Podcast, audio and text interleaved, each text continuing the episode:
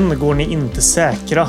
Rännstensrullarna är kvar någonstans i era hus. Någonstans i mörkret. Så ni som tänkte slå igång någon serie nu, vi ser er. Vi, det vill säga jag, Jonathan och min poddkollega. Andreas, vi har eh, trängt oss in i en garderob där, så vi sitter och kurar tillsammans. Det är väldigt trångt. ja, precis. Men som sagt, vi, man kan inte känna att man går säker. Nej, vi tjatar vidare om gammal och bortglömd film. Ja, precis. Eh, och säger till att ni också ser dem.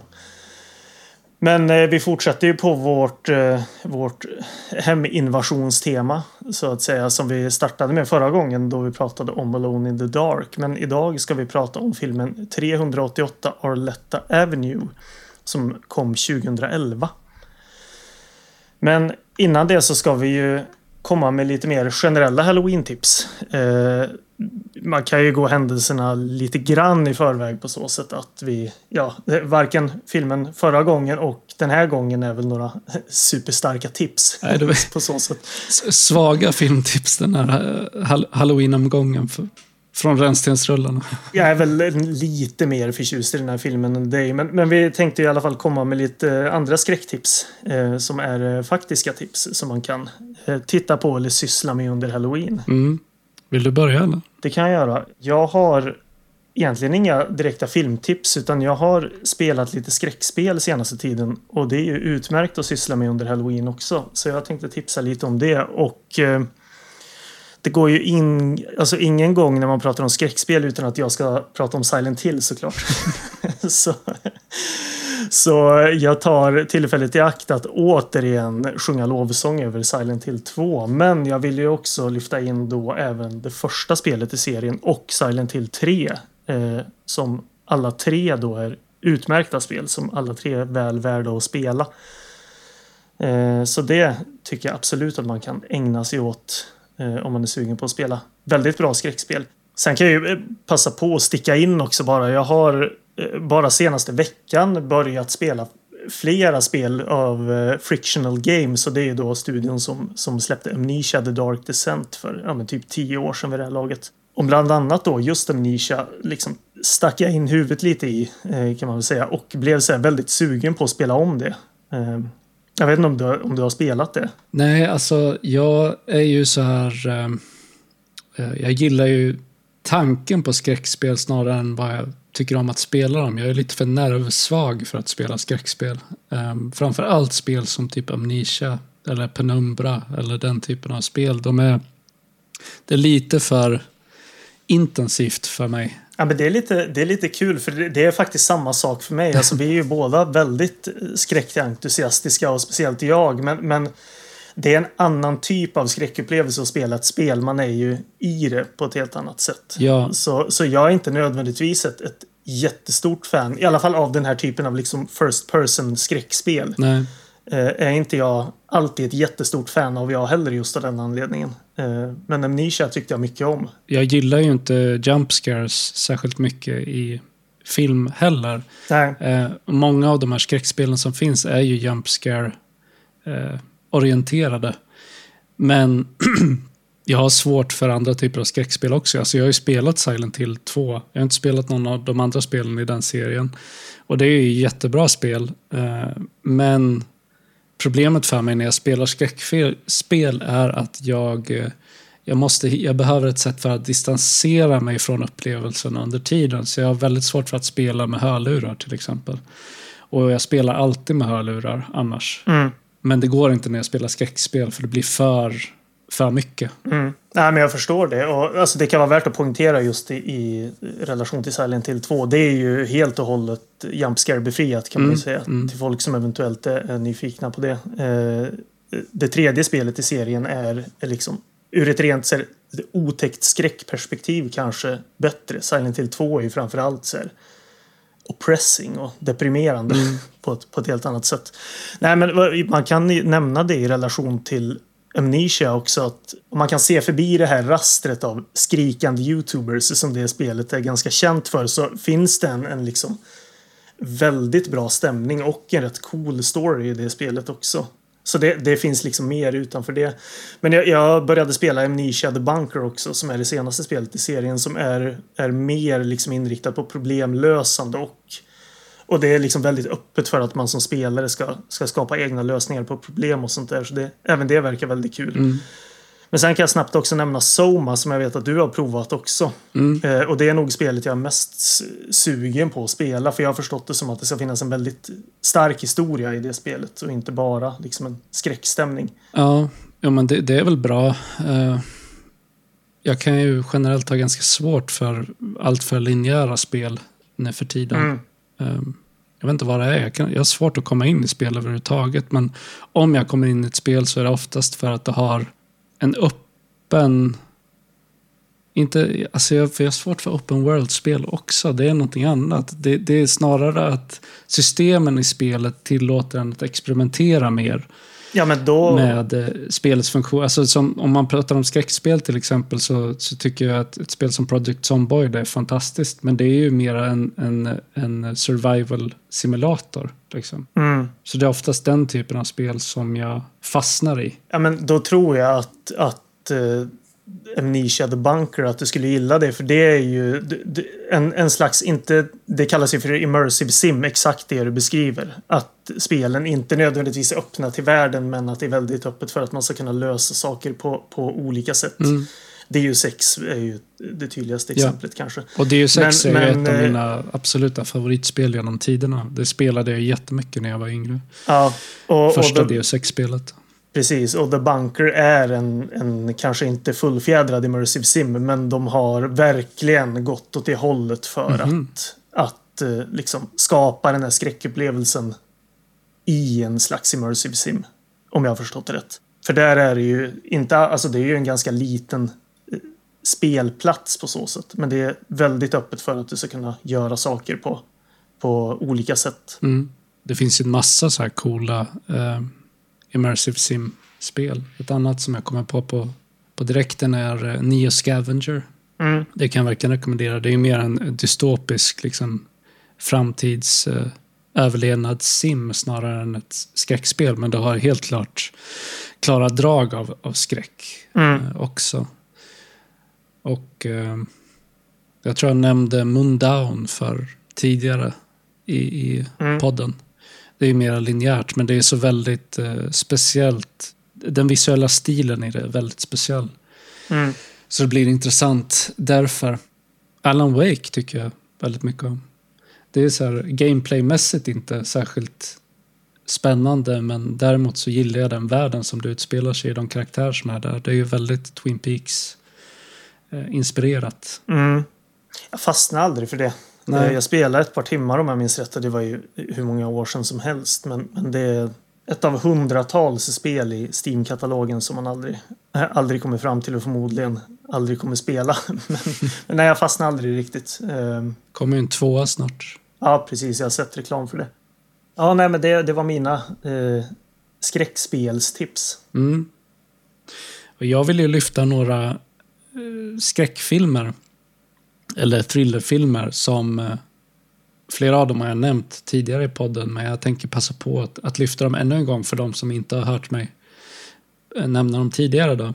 Och dels så är det Mute Witness från 95 och sen är det Enemy Territory från 87.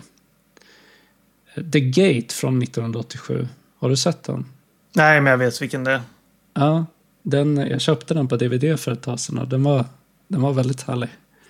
Mm. Sen eh, lite nyare filmer så är det Coming Home in the Dark från 2021. Och sen Moloch som jag också har pratat om tidigare. Från 2022. Coming Home in the Dark har jag sett och den var riktigt bra, men, men Moloch har jag inte sett. Nej. Eh, ja, så nej, vi behöver inte gå in närmare på de filmerna nu, men då, då har jag kastat ut de titlarna där. Det är fem filmer som jag rekommenderar de som gillar den här typen av film att, att se. Det är bra, bra grejer. Ja, kanske, kanske filmer man, man eh, ska se istället för de vi har pratat om. Ja, definitivt. men men mer, om, definitivt. mer om detta.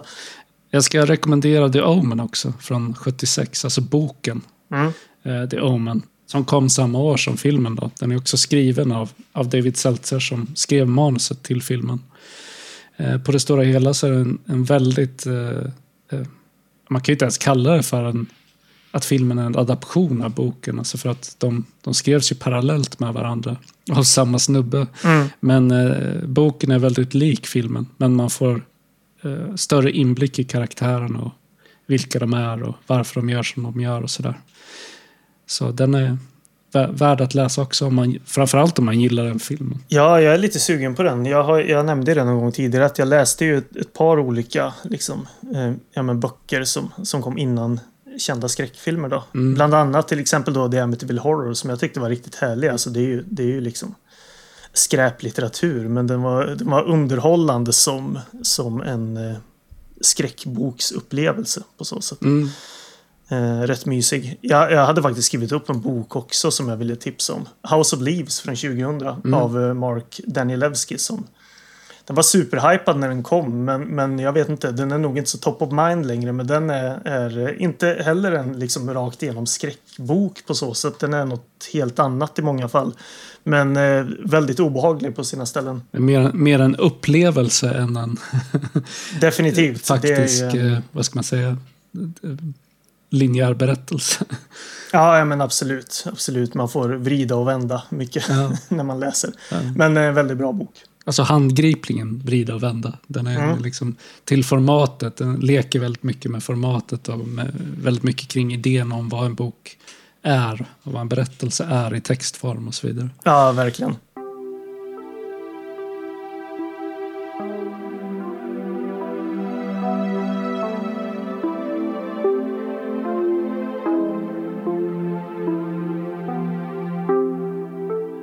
Vi ska som sagt prata om filmen 388 Arletta Avenue som släpptes 2011.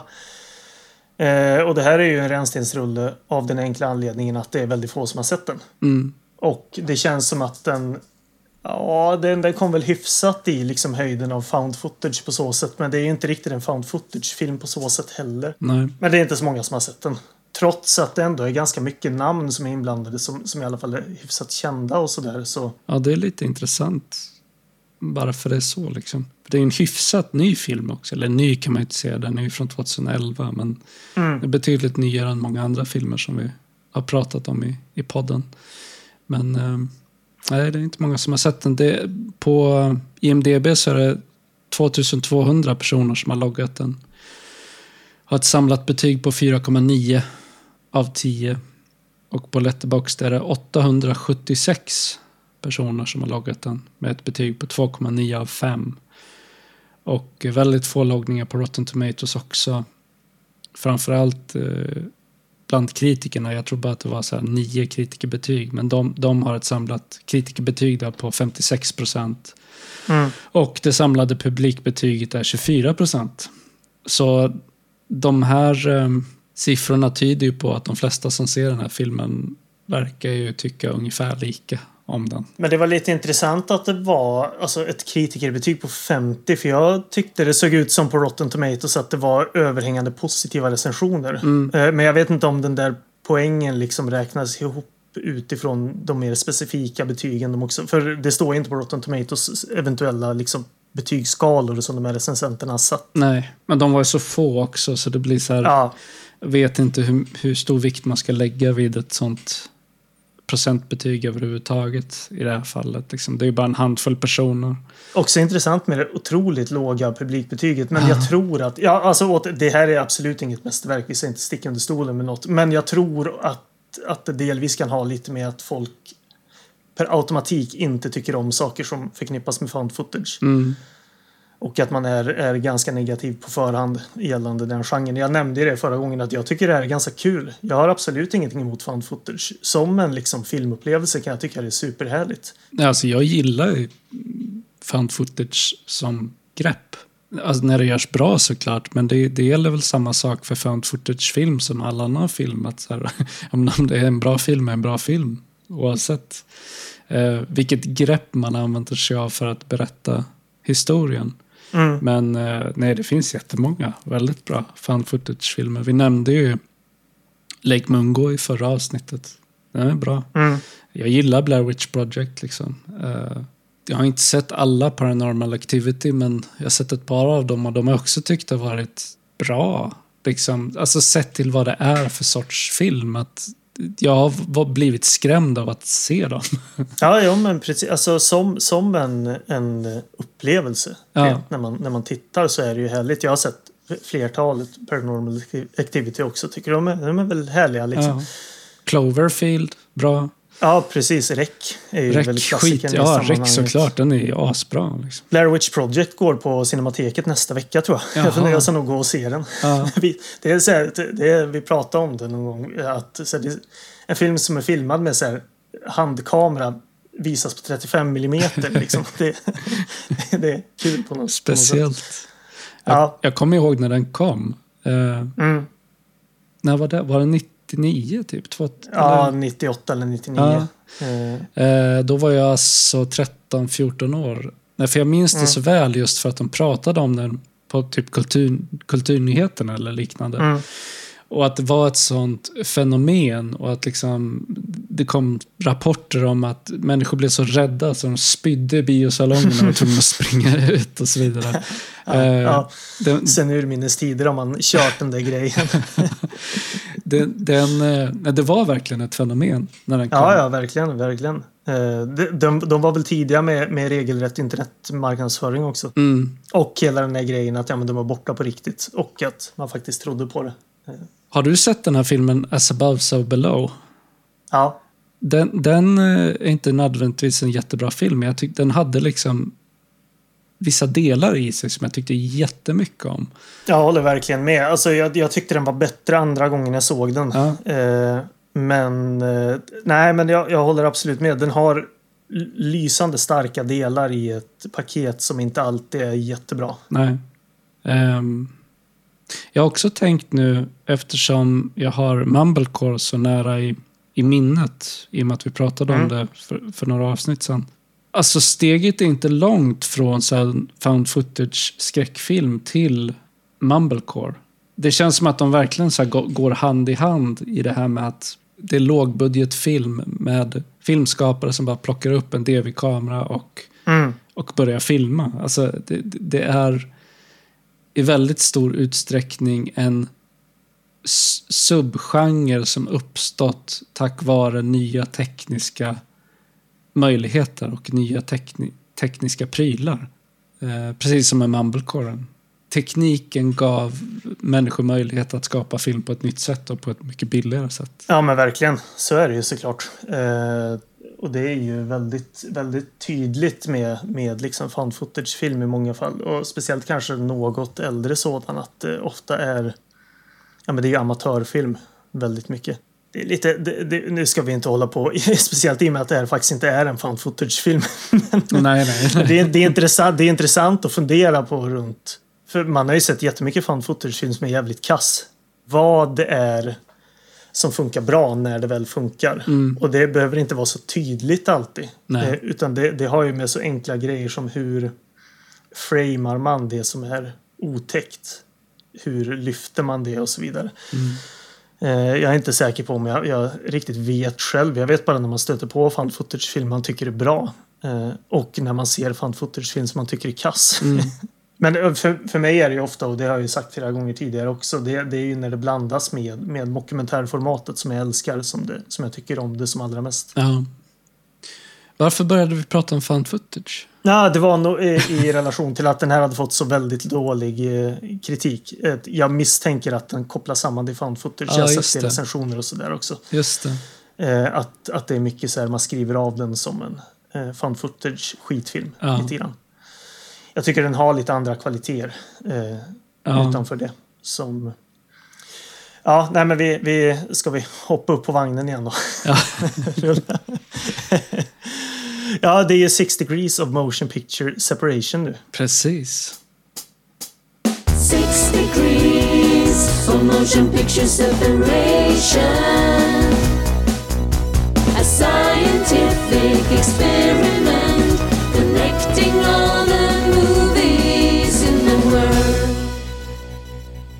I vårt förra avsnitt så pratade vi om Alone in the Dark från 1982. eh, Där Lin Shay har en väldigt liten roll. Jag för mig hon spelade eh, en receptionist, typ. Mm, precis. Och Lin Shay är också med i The Running Man med Arnold Schwarzenegger. Där hon också verkar ha vad jag tror är en, en statistroll som propaganda officer. Mm. Och Schwarzenegger är också med i The Expendables eh, 3. Där Mel Gibson också spelar en roll. Jag har inte sett någon av Expendables-filmerna så jag vet inte. är Mel, Mel Gibson med i de andra också? Jag har bara sett den andra. Ja, Eh, och där var han inte med. nej, han är med i trean i alla fall. Ja, Och Mel Gibson spelar också huvudrollen i The Man Without a Face från 93. Där Nick Stahl är med som barnskådis.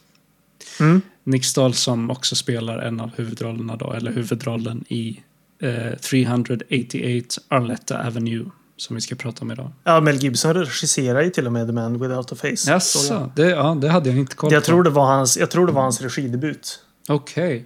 Ska jag vara ärlig så kände inte jag till den filmen alls innan Inte jag heller. hittade den här kopplingen. Eh, Jag blev eh, nyfiken på att se den. Ja. Det, det är Mel Gibson med ett så här, eh, han spelar two-face typ. ja, precis.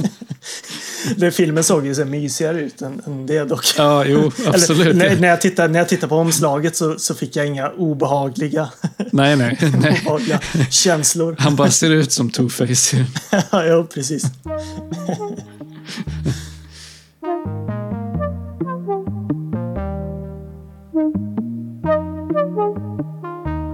Vi testar ett lite nytt upplägg idag så vi kör recensioner nu. Eh, och eftersom vi inte såklart inte har en Bonniers, Bonniers recension eh, så kör jag samma upplägg som förra gången och tar en positiv och en negativ recension från Rotten Tomatoes. För att se vart vi hamnar på, på just det spektrat. Då. Om jag ska börja med en positiv recension så skriver Liam Lacey från Globe and Mail så här. 388 Arletta Avenue manages to use the terrorized couple genre to provide a timely commentary on supposedly safe homes and distant wars. Jag vet det här med distant wars var, var någon sån här grej jag stötte på på andra sidan, eller andra ställen också. Jag vet inte riktigt vad de menar. Det finns ju någon slags militärkoppling med den här filmen, väldigt liten. Eh, och jag, jag vet inte om den här gör då, har någon, någon kommentar gällande det i någon utsträckning. Vad är militärkopplingar? Fan, Ja, men det är ju Devon Sawas eh, karaktär har ju varit i Afghanistan. ja, tidigare. just det. Han är ju veteran. Just det. Men det, det att du inte kommer ihåg vad kopplingen var säger ju att den kanske inte har så timely commentary runt det. Nej. Safe Homes kanske lite mer eventuellt då. Ja, nej men och den negativa recensionen skriver Tom Huddleston från Time Out. Och han skriver så här. There is little new. The intimidation techniques och sen då pet abduction, home invasion feels cliched and the film trundles towards an unenlightening conclusion. Vad sa du? Trungle? Va? Vad sa du? Trundles. Trun- Jag vet inte vad det är. Trundles? Ja. Jag vet inte vad det betyder.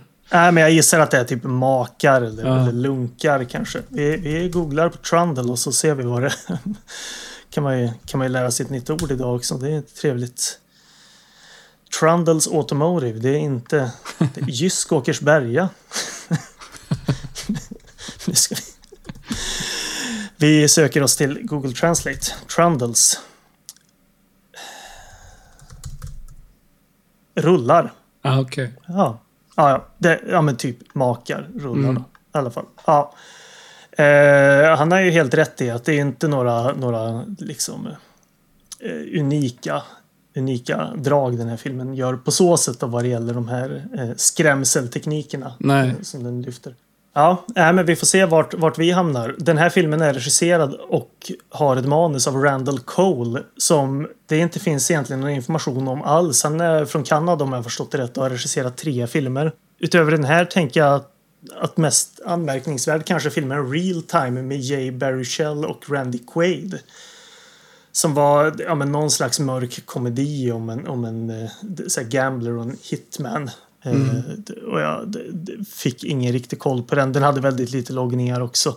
Men däremot så var det ju, alltså många av de som har loggat den och recenserat den verkar ju tycka om den väldigt mycket. Ja, precis. Så jag blev sugen väldigt på den också. Ja, jag med. Jag med. Eh, Jay Baruchel är ju, är ju komiker eh, och har väl, är väl en sån här... eh, eh, ja men typ en, en rätt populär liksom, kanske inte underground-komiker. Eh, Ja. men, men han har ju varit med i rätt stora filmer och skrivit manus till rätt stora filmer. Precis, han är ju med i många, alltså, som skådespelare med Seth Rogen och gänget liksom. Ja, nej, men jag blir lite sugen på att se den. Det kanske är någon gång i framtiden om vi kör någon mer Buddy Cop-avsnitt så, så, så kanske vi kör den. Det såg ut som en Buddy Cop-film på, på postern. Ja, det gjorde det. Jag fattade det som att handlingen var typ han är så här spelmissbrukare och sen har han massa skulder och sen får han bara Ja. någon dag på sig att betala tillbaka de här skulderna och ha den här eh, lönnmördaren efter sig. Då.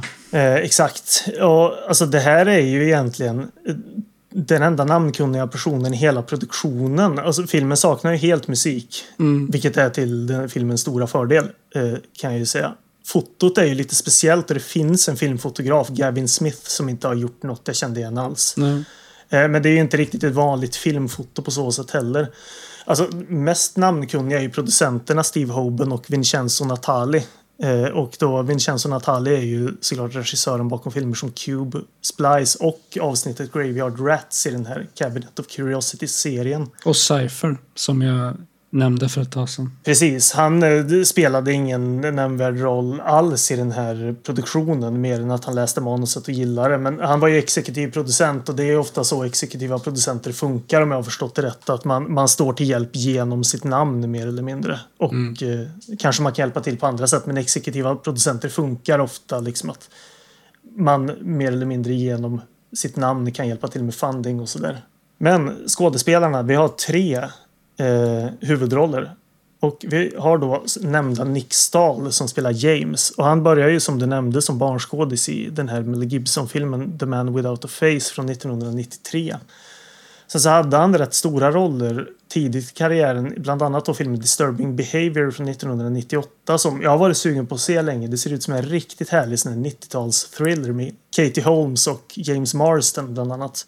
Men sen även eh, Tunna röda linjen eh, av Terrence Malick från samma år. Eh, Todd Fields in the Bedroom från 2001 och även Larry Clarks Bully som också kom 2001. Mm. Larry Clark är alltså mest känd för att ha regisserat den, i alla fall när den kom, skandalösa filmen Kids från 95.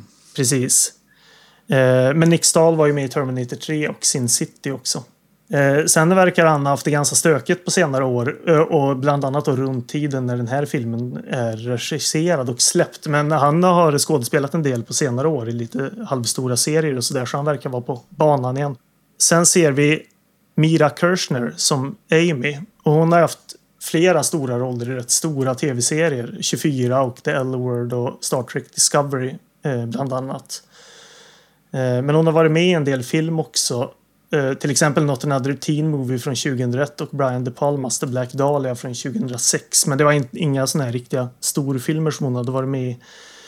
Eh, Däremot så vill jag lyfta fram Atom Egoyans film Exotica från 1994 där hon spelar en huvudroll som är väldigt bra. Ja, du har sett den? För jag blev så Ja. jävla sugen på att se den. Den är skitbra. Ja. Den har en väldigt, väldigt speciell stämning. Och alltså, Atom Egoyan är en sån här regissör som jag vill se mer av också. Ja, För jag har sett här. Exotica och The Sweet Hereafter.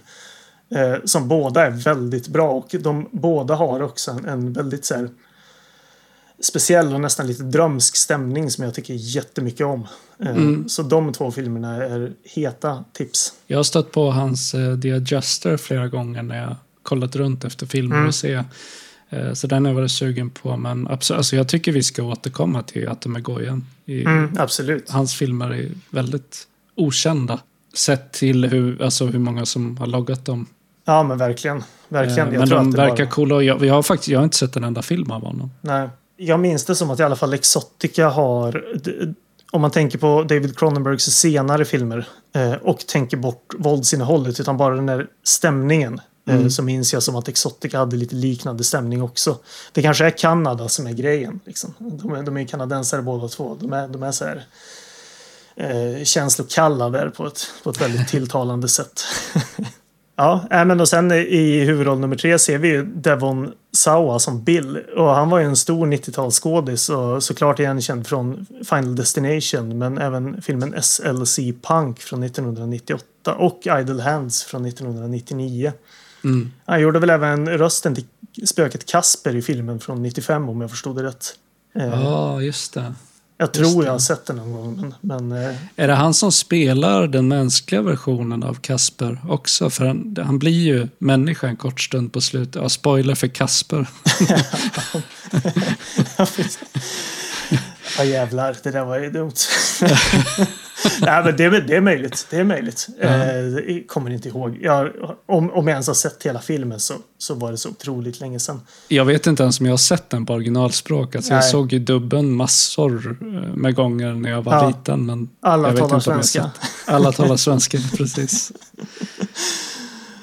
Ja, men eh, Devon Sawa har även en huvudroll i haveriet The Fanatic från 2009 då. Alltså som Fred Durst från Limp Bizkit regisserade. Jag har inte sett den, jag har bara förstått det som att det är en sån här framtida So Bad It's Good-favorit. John Travolta som autistisk filmfanatiker. Ja, precis. Jag har inte heller sett den. Men den det är en film som har fått 1,8 av 5 i betyg på Letterboxd. Ja, precis. Och jag kommer ihåg att den blev totalt sågad när den kom. Ja, Alltså det räcker med att titta, alltså det räcker med att se en bild av John Travolta i den filmen för att förstå att det inte är någon höjdare. nej, nej, precis. Med sån här eh, ful hawaiiskjorta och en pottfrisyr liksom. Ja, det är en pottfrisyrs mohawk. Ja, precis.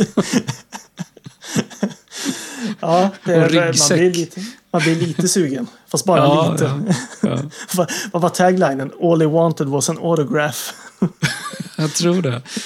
Det är ju någon slags eh, eh, modern variant av typ The Fan med Robert De Niro och eh, Ja, eh, Wesley Snipes. Som jag minns som en väldigt bra film istället. Då. mm, ja men det är ju Tony Scott. Ja. alltså, men om Fred Durst ska ha någon cred där så är det att han, han liksom vill jobba tillbaka den här eh, eh, så här, psycho-filmgenren som var så populär runt just typ The Fan och, och Ja. eh, annat. Så det, det tycker man alltid om. Men eh, Har Fred Fanatic- Durst någonsin gjort någonting bra? Ja, det, det är frågan. Alltså, det jag har ju absolut, jag tycker det finns mycket nu metal jag gillar. Eh, Ja. och, och liksom, om man nu, Deftones är inte riktigt nu metal, men Deftones är ju, är ju ett favoritband skulle jag säga. Men, men Limp Bizkit är ju garbage. Ja, det är Så- så- rätt fruktansvärt. Alltså. Det kommer du ihåg den här Mission Impossible-låten de gjorde? De gjorde ledmotivet till eh, Mission Impossible. Jag undrar om det var tvåan? ja, det måste ha varit två, alltså John Woo. Ja, precis. Ja, jag, jag skulle nog känna igen dem jag hörde, men Keep Rollin' hette den. Jaha, var det det ledmotivet? Åh herregud, ja men den har man ju hört. Det, det är väl typ, alltså i den mån Limp Bizkit musiklåtarna Eller kan vara var bra det så är väl det. Jag måste kolla Eh. det. Nej, nej, Take a look around är det ju såklart. Jag blandade ihop titlarna. Ja men den låten är väl ändå okej i någon mån om jag minns rätt.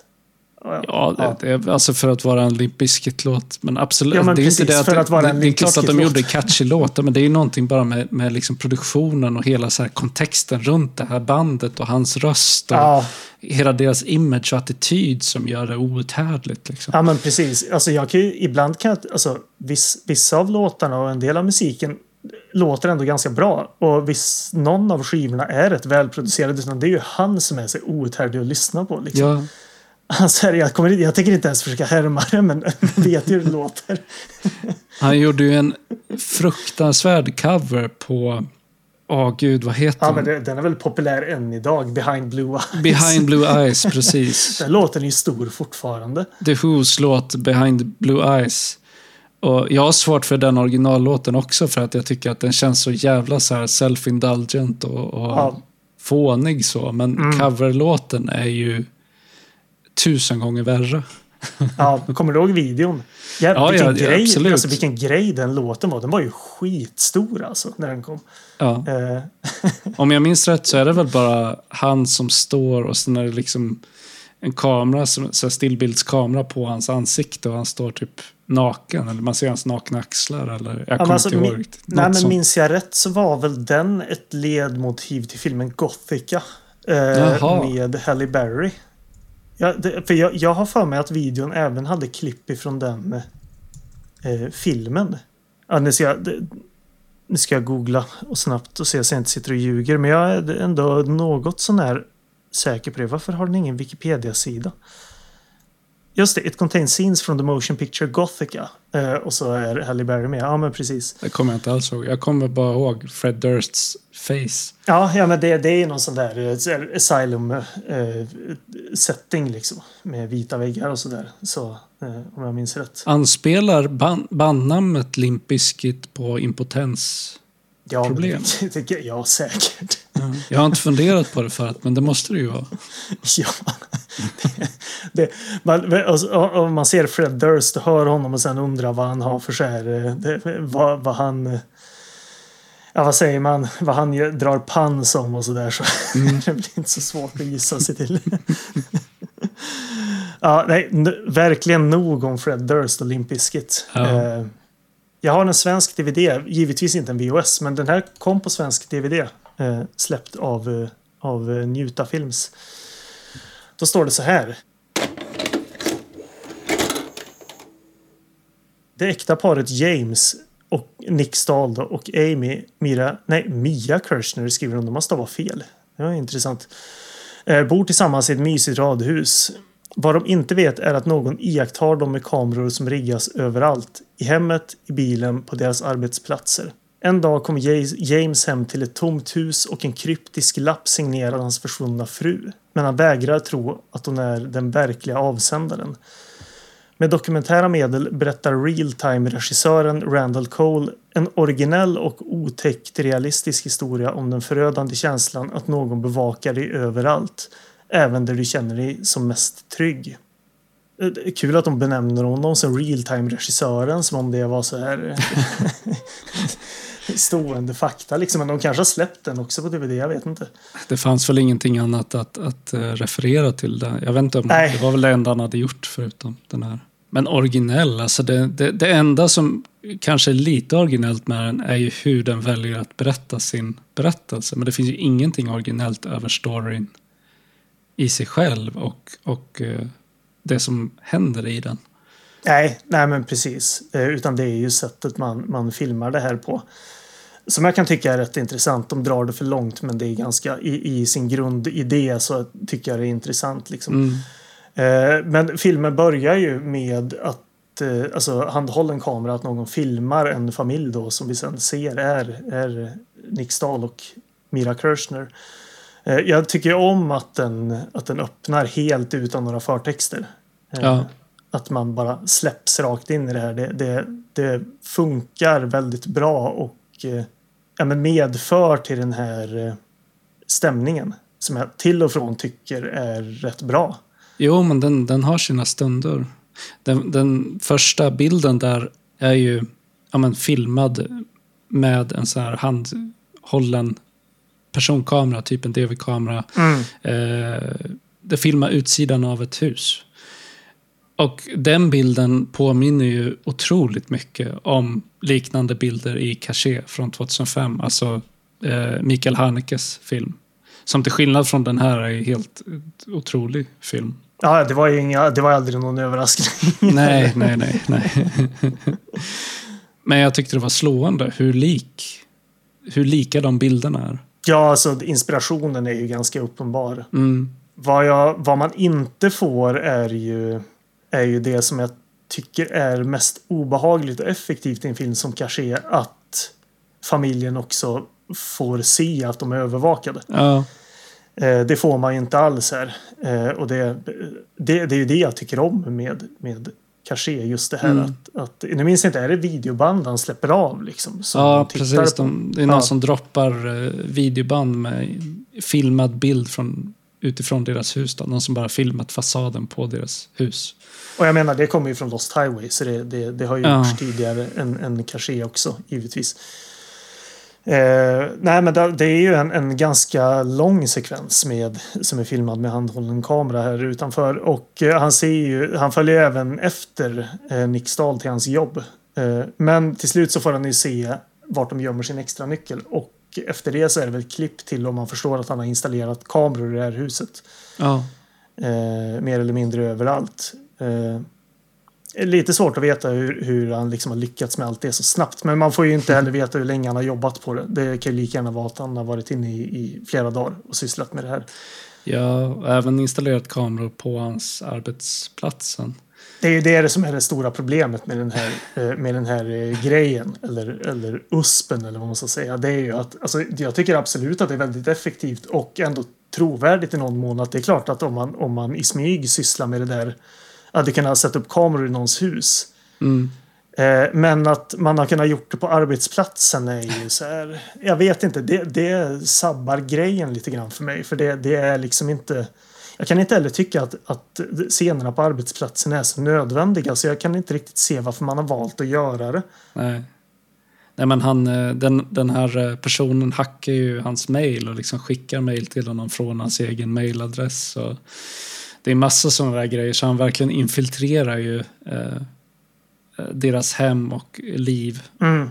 Men eh, nej, det, det är inte speciellt trovärdigt. Jag, jag hade svårt att också avgöra vilka av de här kamerorna som är diegetiska. Alltså diegetiska så tillvida att det faktiskt är en, en kamera som den här eh, stalkern eller personen som spionerar på dem har. Eh, jag tyckte det var svårt att avgöra det ibland. Om, det var men- Men- om alla kamerorna var menade att vara hans kameror liksom. Eller, Ja, jag tolkar det som att alla kamerorna är de Ja. han har satt upp också. Eh, och det, det, jag, jag får intrycket av att man har blivit rätt taggad på den här idén och dragit det lite väl långt. Samma Ja. sak med liksom kameror i väckarklockan som så speglar siffror och så där känns bara fånigt. Eh, det är inte riktigt nödvändigt. Nej. Det är ju en uh, snubbe med cash Ja, eh, att strö omkring sig. Framförallt då 2011 det var det inte billigt att köpa massa kameror som man kunde installera i, i väckarklockor och nej. Eh, man, kan, man, kan ju tänka, man kan ju tänka sig att han, att han under sina, sina sysslor som man får se på slutet sen också kan ha liksom eh, fått med sig lite pengar kanske under, under årens lopp. mm, Nej, men då sen, det, det dyker upp lite sån här, eh, lite sån här små kusliga grejer. Det dyker upp en mystisk CD i bilen och alltså så som ja, de undrar vart den kommer ifrån. Eh, Mm. liksom, varför är den i bilen? Eh, men sen så, så försvinner ju hans eh, fru och eh, jag blev just här så blir jag lite så här överraskad över hur snabbt den, en- alltså den enda storyn som finns om den här filmen är ju just det här att nej, hans fru försvinner och hon lämnar en lapp liksom. mm, Och det sker ju typ under filmens första tio minuter. Eh, Så då var jag ändå lite sugen. Så här, vad ska den här handla om nu? Liksom. Jo, men jag tyckte också det verkade hyfsat lovande där i början. Ja. Och sen då så... Ja, hon har lämnat en lapp. Eh, Nick Stahl. Hon säger ju något i stil med att nej, men jag har, har åkt hemifrån. Försök inte söka upp mig. Mm. Eh, Och Nick Stahl tror inte på det här utan han börjar ju, eh, börjar ju eh, nysta. Ringa polisen och så vidare. Sen så pratar han, det, det, jag minns inte om det är hans bror eller om det är en kompis. Jag tror Eh, att det är en polare bara. Eh, och det kommer en väldigt klumpig exposition om den här Bill, Bill Burrows. Eh, och det, jag blir också lite nyfiken på vad du tänkte. För när de börjar prata om så här att så här, "Ja, men kommer du ihåg Bill Burrows? Det var han du mobbade i skolan liksom. Ja. Tänkte här, åh nej. Ska det, är, det, är det det som det här som är endgame liksom för den här filmen? Att det, det är mobbaren som, som eh, förföljer honom. Eh, vad, tänkte du samma sak eller vad?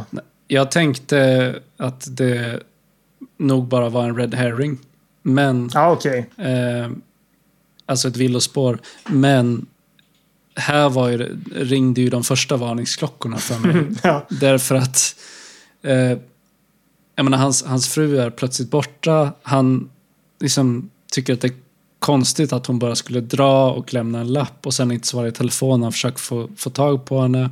Och typ dagen efter där så sitter han och snackar med den här kompisen då. Mm. Och det första kompisen kommer att tänka på Mm. är en person som de inte har träffat på typ, ja jag vet inte, 10-15 år och som de mobbade i skolan. Och han liksom direkt pekar finger mot den. Ja men tror du, kan det vara Bill Burrows? Och sen, men varför skulle man komma, varför skulle det vara det första man kommer att tänka på? Ja, men precis. De sitter, de sitter och diskuterar om det fin, kanske finns någon i liksom familjen eller in, in the past som, som skulle kunna tänkas röva bort henne. Eh, eller kidnappa henne på så sätt. Men det Så- känns verkligen som, eh, det, det känns så långsökt att det skulle vara det första man kommer att tänka på. Speciellt eftersom allt eftersom filmen lider så inser man ju att den här huvudkaraktären spelad av eh, Nick Stahl är ju en sån jävla skit. Så det, det känns som att det, ja, i så fall skulle det ju potentiellt finnas ganska många andra som man kanske skulle tänka på först skulle ha ett horn i sidan till honom än en snubbe som de, som de hade att göra med så långt tillbaka i tiden. Liksom. Det, jag tycker det känns alldeles för otrovärdigt. Det har ju hintats om, även innan den här scenen, att, att de har haft en rätt stökig relation, han och hans flickvän eller om det är fru. Eh, att han har krökat en del och så vidare. Ja, han har varit otrogen också. Han har haft ihop det med en- den här tjejen på jobbet. Som, Ja, jag har egentligen ingenting emot att, att man liksom, om inte annat som i det här fallet, använder det som en red herring. Eh, och jag, kan väl, alltså om man ska vara lite välvillig, det är klart, vi vet ju inte, det här kan ju vara något de har diskuterat gång på gång eh, liksom under, under tiden som har gått. Problemet är att det görs väldigt klumpigt. Eh, ja, alltså det är ju superklumpigt. Ja, så det, det är ju inte, inte gre- grejen i sig. Men, men sättet man gör det på är ju som att han säger ja, men kan det vara, skulle det kunna vara någon där? Eller är det Bill Burrows? Och det är det som är problemet. Inte bara så här, det är någon random galning, utan det är så här, ja, men det, det måste vara Bill Burrows. Ja, precis. precis. Eh, ja, nej, men och, och efter den här scenen så så Nick Stahl han blir ganska snabbt rätt liksom aggressiv i sitt sökande och det, det han har ju möte med jag hade skrivit vänner här men det är ju hans frus syster Eh, Mm. och det är ju där framförallt som man får ganska tydliga liksom, indikationer på att han har varit aggressiv och, och eventuellt våldsam innan. Ja, de, de gillar ju verkligen inte honom. Fruns syrra och hennes man. Men det finns ju ett enormt plot hole här också. Att syrran borde ju också vid det här laget bli väldigt orolig. Därför att om hennes eh, syster då, alltså hans fru, Mm. om hon har dragit eller är försvunnen, varför har hon inte sagt upp henne? Liksom? Det är så här, syrran skulle ju här också bli väldigt orolig, men det kommer först senare i filmen. Ja, men jag tänker ju att, att de vid det här laget, att de snarare inte är förvånade att, att hon har stuckit med tanke på deras historia. Nej, men om, om hon har stuckit så borde hon väl ha kommit till syrran, eller varför har hon inte kontaktat Nej, men syrran? inte, alltså, inte, inte nödvändigtvis. Vi vet inte vilken relation de har heller. Nej. Eh, Det kan ju vara att de inte har världens bästa relation heller. Så, alltså, I och med att vi vid det här laget typ har gått en eller två dagar så tänker jag nog att hon mest tänker att ja, jag fattar att hon stack. Och att hon dyker nog upp förr eller senare. Mm. Eh, Så det var så jag tänkte runt, runt det. Men jag fattar ju att, att eh, eh, det kräver ju att man förutsätter att, att även de kanske inte har i alla fall inte den typen av relation att hon det första hon gör ska söka upp sin syster. Nej, men allting tyder ju på att eh, Nick Stahl tänker att de har det eftersom det, hon är den första han kommer att tänka på. Han är helt övertygad om att det är dit hon har dragit. Liksom. Det är sant. Så, så det blir också en sån här konstig grej att varför skulle inte syrran bli mer orolig än så här?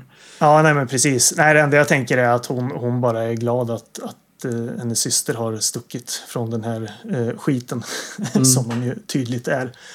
Eh, men sen så kommer ju första scenen när, när eh, Nick Stahl och James hämtar Bill Burrows. Eh, han åker hem till honom hämtar upp honom.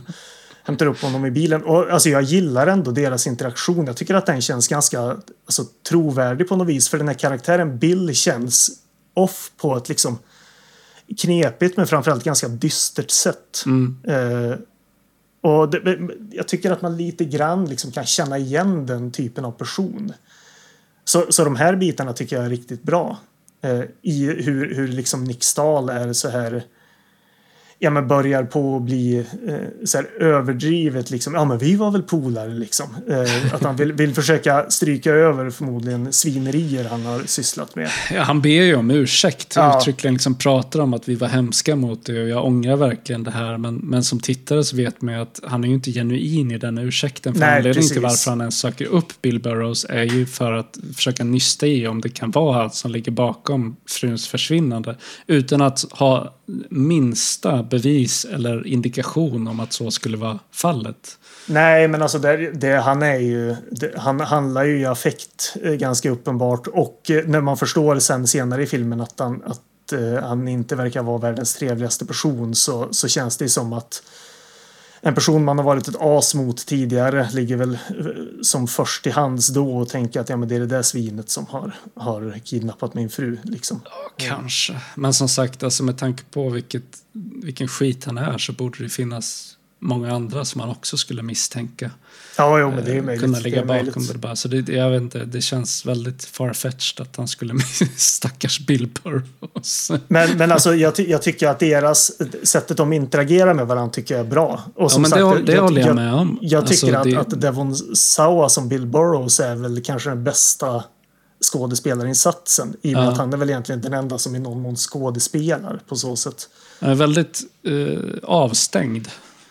Ja, på ett, på ett rätt sorgligt sätt. För man Ja. kan ju fatta att, att han har haft det förjävligt. Både i, i deras historia men sen senare i livet också. Ja, som krigsveteran. Han har kommit hem från Afghanistan och verkar ju leva eh, väldigt eh, fa- fattigt. Han har liksom inget riktigt jobb. Jag tror han jobbar på något herberge typ. Eller något sånt där. Nej, djur, eh, eh, djurcenter. Han har Ja, precis. Det kommer ju in i storyn sen också. Ja. Ja, men och det, tycker jag, det tycker jag om. Ja, men det, det håller jag med om. Alltså, det stora problemet här och det stora problemet med den här filmen är ju manuset. Mm. eh, Skulle jag säga. För jag menar, skådespelaren är det inget fel på. Jag tycker att Nick Stahl är bra i, i sin huvudroll också. Liksom. Mm. Ja, absolut. Sen så fortsätter det ju lite, alltså med mer liksom, om man ska kalla det för kusligheter. Det, det, hans katt byts ut.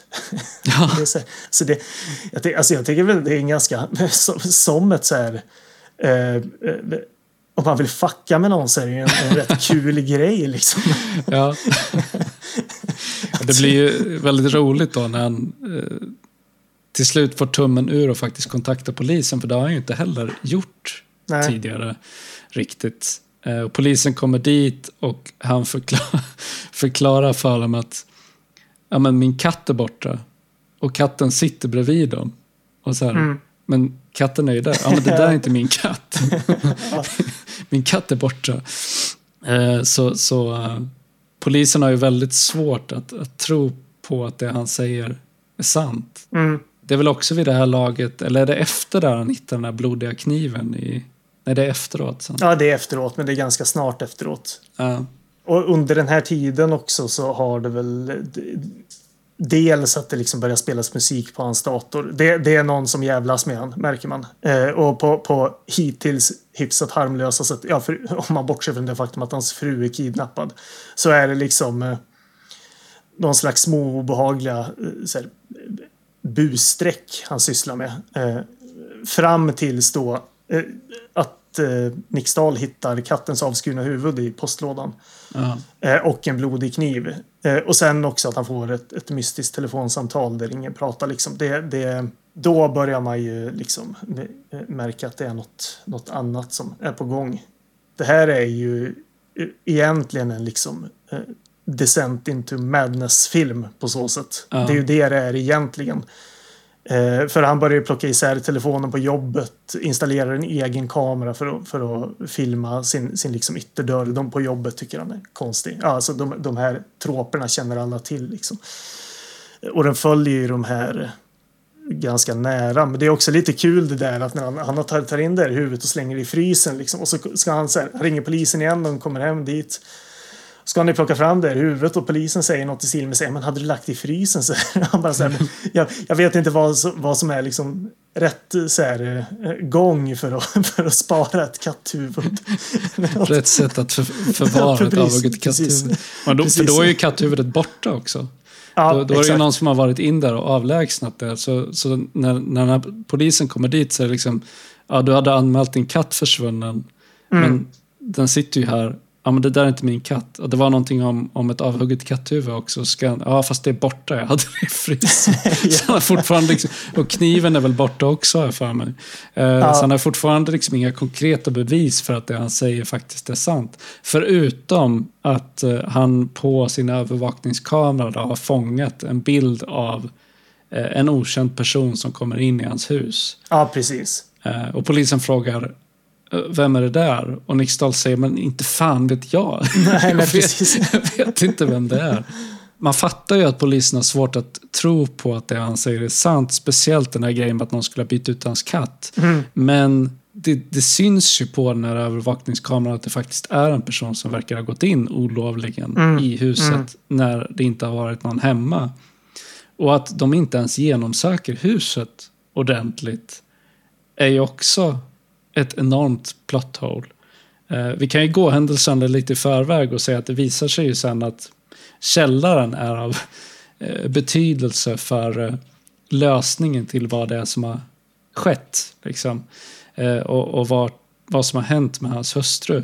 Mm. Men det är ingen som har genomsökt källaren. Trots allt som sker i filmen. Man ser honom upprepade gånger stå och ropa ner i trappen till källaren och säga hallå. hallå. Men han går aldrig ner. Nej, precis. Men vi får... Det, det, vi vet ju inte heller när frun ja, dyker upp i källaren, Nej. om man ska uttrycka sig så. Vi, vi, däremot, alltså, vi har inte nämnt det alls, men alltså, allt det här utspelar ju sig genom kamerabilder som, från de här fasta kamerorna. Och vi får ju även liksom kamerabilder från källaren till och från som, som ibland är tom, ibland har en mystisk gestalt där. Som bara står där nere och lyssnar. Ja, precis. precis. Eh, alltså, jag tänker att man märker ju polisen, alltså på polisen till en början när det kommer in någon alltså på hans egen övervakningsfilm att de ändå blir liksom det här ska vi nog kolla upp. Mm. Men man får ju lite intrycket av att ju mer han sen spinner på sin i deras ögon så här, ja, men någon slags konspirations eh, mambo jumbo så, så blir det väl lite sådär att hur liksom hur mycket ska man bry sig i det här?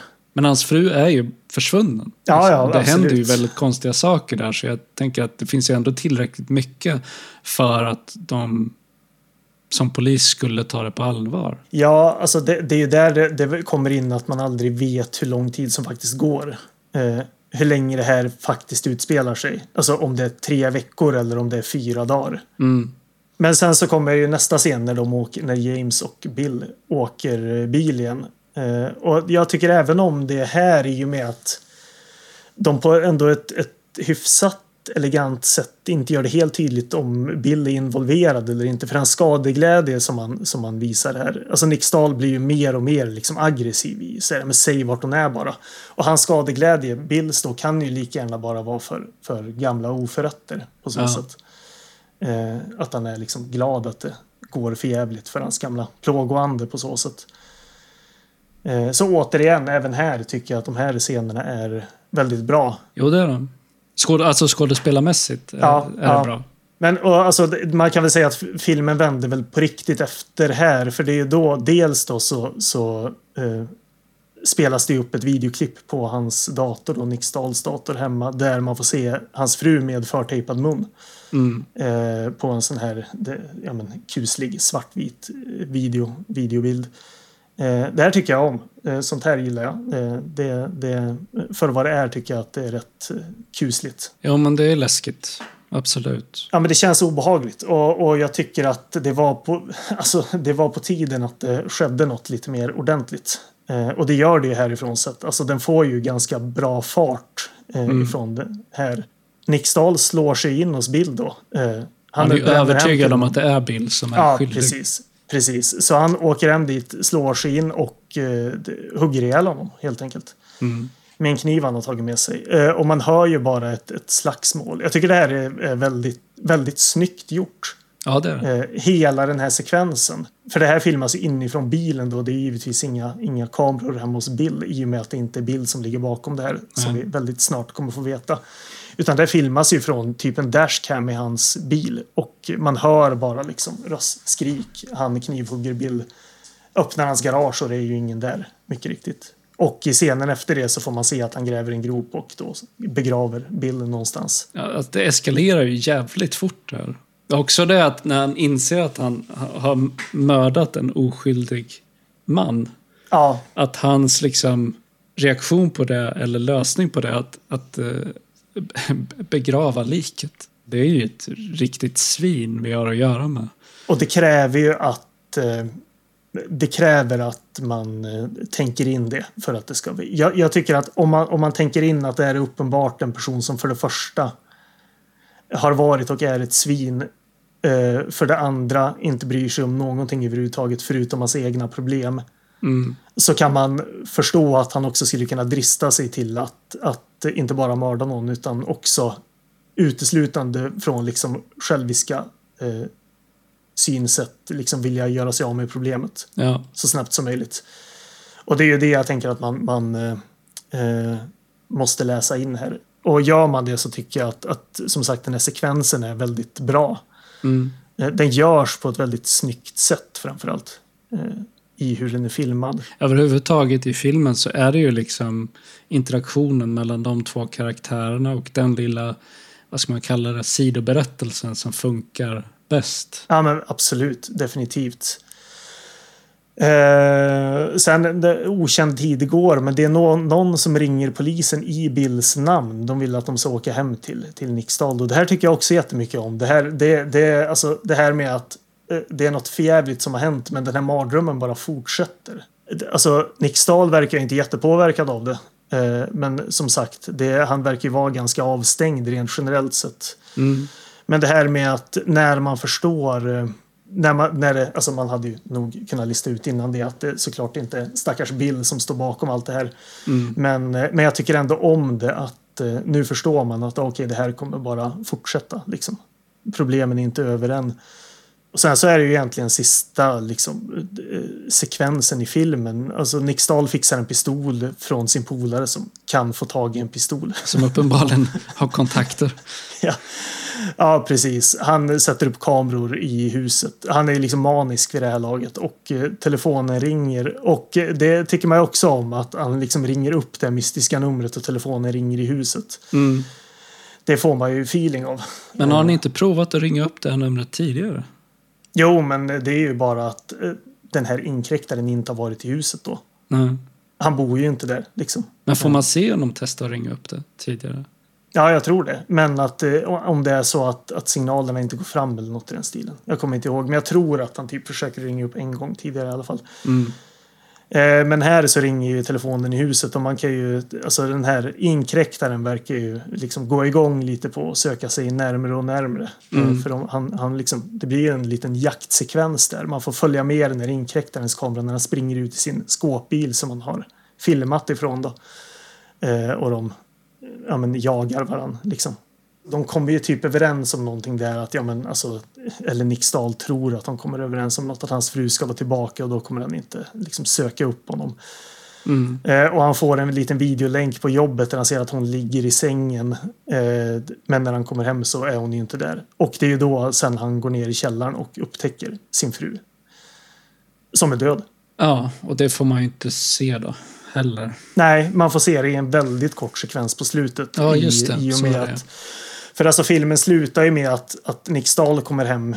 Men det gör ju även hans, eh, hans eh, frus syster och hennes man. Mm. Och polisen. Så det är ju det är uppenbart att, att eh, någon har ringt polisen om det är den här mördaren eller om det är eh, hans frus syster vet man inte. Det blir ganska uppenbart så att det ser ut som att det är Nick Stahl som har mördat sin fru. Han har en pistol och han blir skjuten till döds. Och det är så filmen slutar mer eller mindre. För sen så får man ju då se att, att de här kamerorna stängs av och det är då man också får se ett kort klipp ifrån källaren där hans fru hänger utan huvud. Ja men det här, jag, jag tycker det är ganska som ett slut rätt bra. Eh, liksom. eh, det, alltså, mina verkliga problem med de här sluten kommer till de här två små eh, epilogerna som kommer. Mm. Varav den ena är kanon, varav den andra är helt onödig. Först så får vi se en mystisk figur i huvudtröja som sitter vid en dator. Han tittar på de här klippen. För det går, man får, alltså hela filmen slutar med, han slår av kamerorna, man får se en handhållen kamera ifrån den här skåpbilen.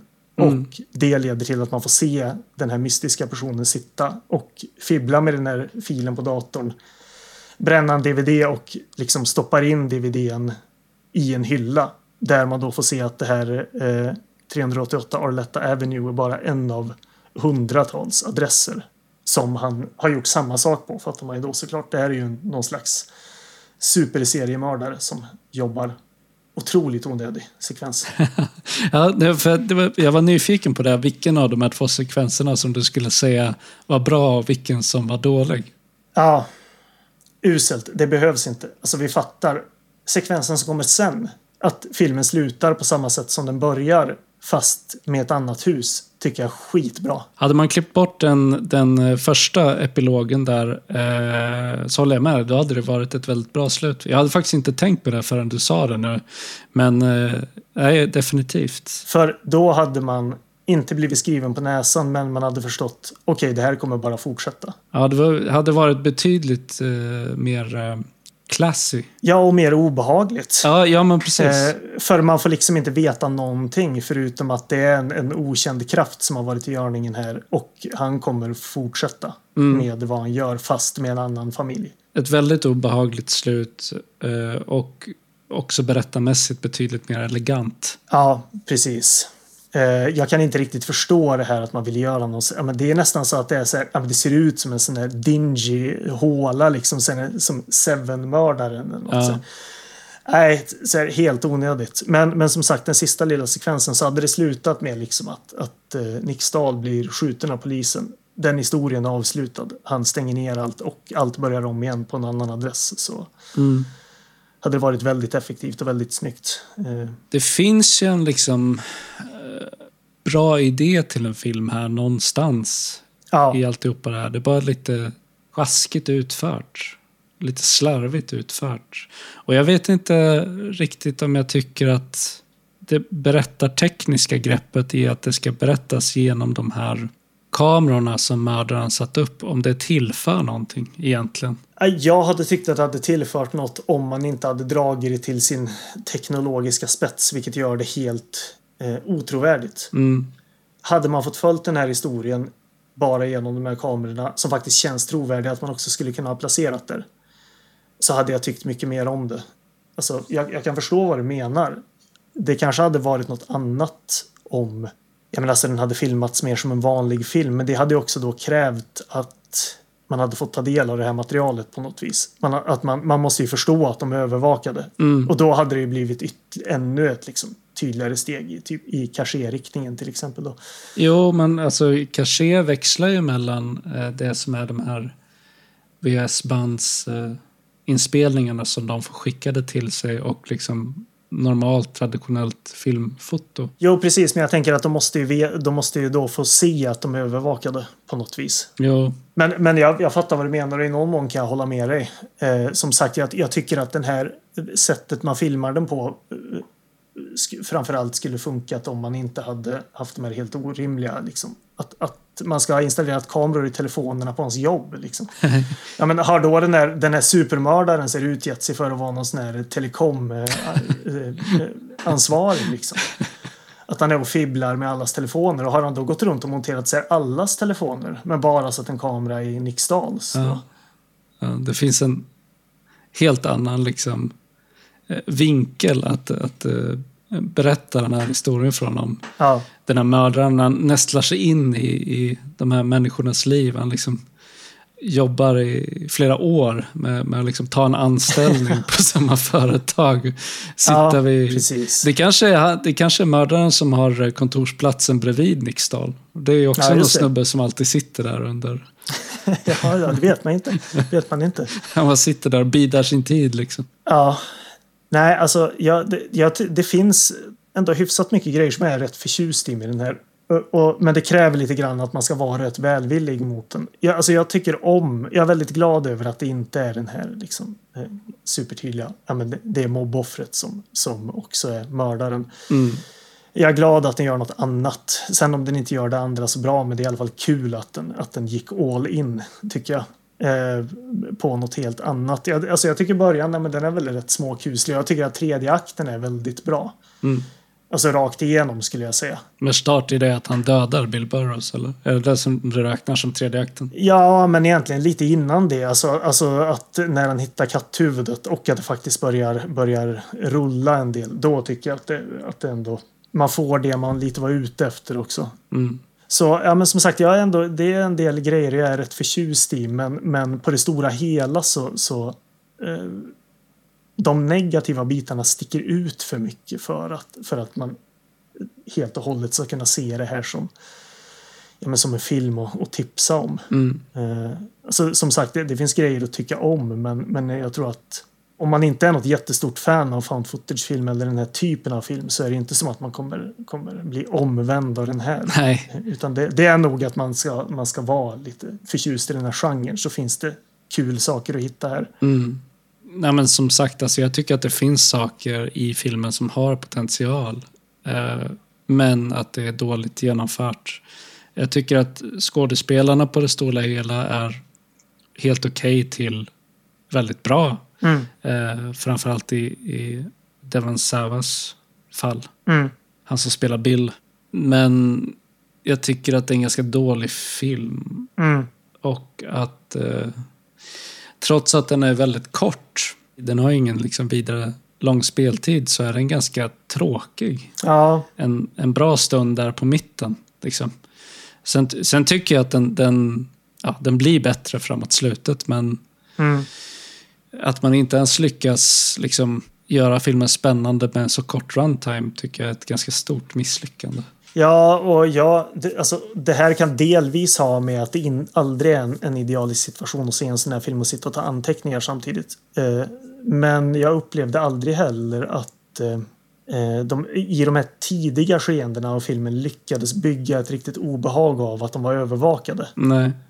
Men återigen, det kan också vara att man satt med ena ögat på mobilen och skrev samtidigt. Det är liksom inte idealiskt att, eh, att leva sig in i en film. Eh, sen så tror jag inte att man kommer, om man inte hade gjort det, skulle upptäckt att fan vad otäckt den här var.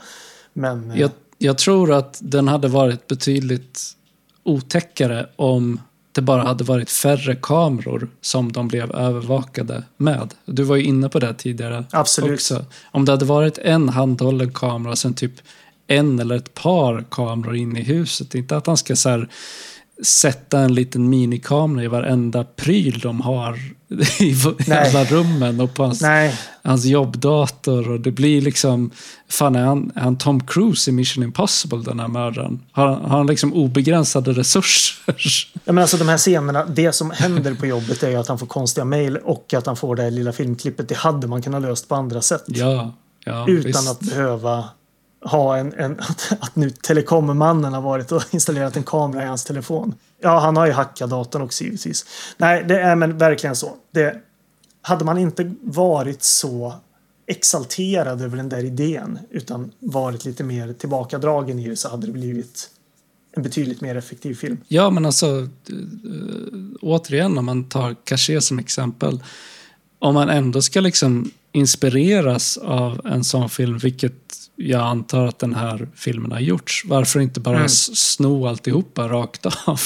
Och bara så här, han får VHS-band eh, levererade till sig vid dörren.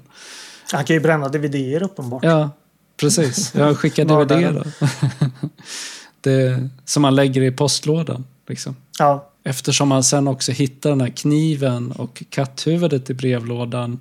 Om man hade introducerat brevlådan som en grej tidigare i filmen med att han får DVD-skivor där så blir det också som ett så här återkommande motiv i att han hela tiden hittar nya hotfulla grejer i den här brevlådan.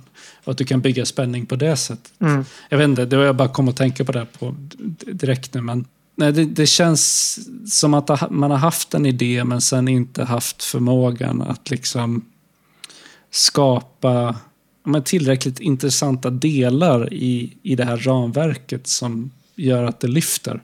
Den lever inte upp till sin potential. jag Nej, tror att det är nej. min känsla för den här filmen. Att det finns en potential här men den, den lever verkligen inte upp till det. Och det är synd, så det känns som en, en bortkastad idé. Ja, för jag, jag tycker jättemycket om det här. Eh, Det finns något genuint obehagligt i det, men det är synd att... eh, Ja, men lite att det känns som att man har varit väldigt inne på idén att det här ska vara någon mästermördare eh, som kan allt. Mm. Eh, och inte fokuserat på det obehagliga i att bli övervakad. Ja, nej, alltså jag skulle väl säga att i, i någon mån så finns det jag tycker att det finns mer saker som jag blir tilltalad av i den här filmen än filmen vi såg till förra gången, Alone in the Dark. Mm. Eh, så jag skulle väl säga att det på så sätt är den här filmen jag föredrar. Men jag skulle inte säga att någon av dem är, är något man ska sp- liksom springa, kuta ut för att jaga rätt på. Nej, men eh, jag tyckte att Alone in the Dark var en ganska korkad film. Jag tycker att det här är en ganska korkad film. Eh, varken särskilt underhållande eller särskilt spännande förutom vissa väl utvalda delar. Men eh, Alltså jag, jag ser det ju som att vad den här filmen gör som Alone in the Dark inte gör är att den lyckas vid ett fåtal, film var, få, fåtal tillfällen var lite obehaglig. ja, Och det, ja, alltså, och det är ju det en skräckfilm ska vara. Ja. så på så sätt så lyckas den ju. ja, är the Dark det- var ju aldrig läskig förutom, ja, förutom den här sängscenen då. Det var väl det enda Ja, ja men precis. läskiga precis. scenen. Och kanske, Eh. ja, och sen också de här eh, scenerna mellan Fatty och den här eh, dottern i familjen då. Där, Ja, där fanns ja, det ju någon precis. slags obehaglig, lyckades man bygga någon slags obehaglig stämning men Nej men det håller jag med om. Den, den här filmen lyckas ju bättre med det. Ja, vi får inse att det här med, med just i de här fallen var ju Home Invasion inte, inte något för oss. Nej. Vi skulle, skulle kunna döpt det till en misslyckad halloween istället. Ja, precis. precis. Nej, men alltså herregud. Gill- Gillar man, man, man vet om man tycker om sånt här. Då kan jag tycka att, ja men se den då. Det, det finns, finns kul grejer. Men, men eh, det finns annan Home Invasion-film som är bättre. Mm. Kanske skulle ha valt, eh, valt Kidnapped istället, så är det efterhand. Men ja, ja. Det är alltid kul att se nya grejer. Ja. Eh, Den var väl ganska våldsam om jag förstod det rätt. Ja, den är bra mycket mer, bra mycket mer obehaglig än vad den här är. Eh, Den, är den är ganska... Jag minns inte om den, alltså regelrätt våldsinnehåll är så. Men den, är- den är väldigt, eh, väldigt rå och obehaglig. Mm. Filmad på, på ett rätt intressant sätt den också om jag minns rätt. Jag tror att det är ett, ett par, alltså bara ett fåtal ganska långa klipp som den jobbar med. Så. Ja, vi kanske det återkommer till den någon gång i framtiden. Det Ja. vet man aldrig.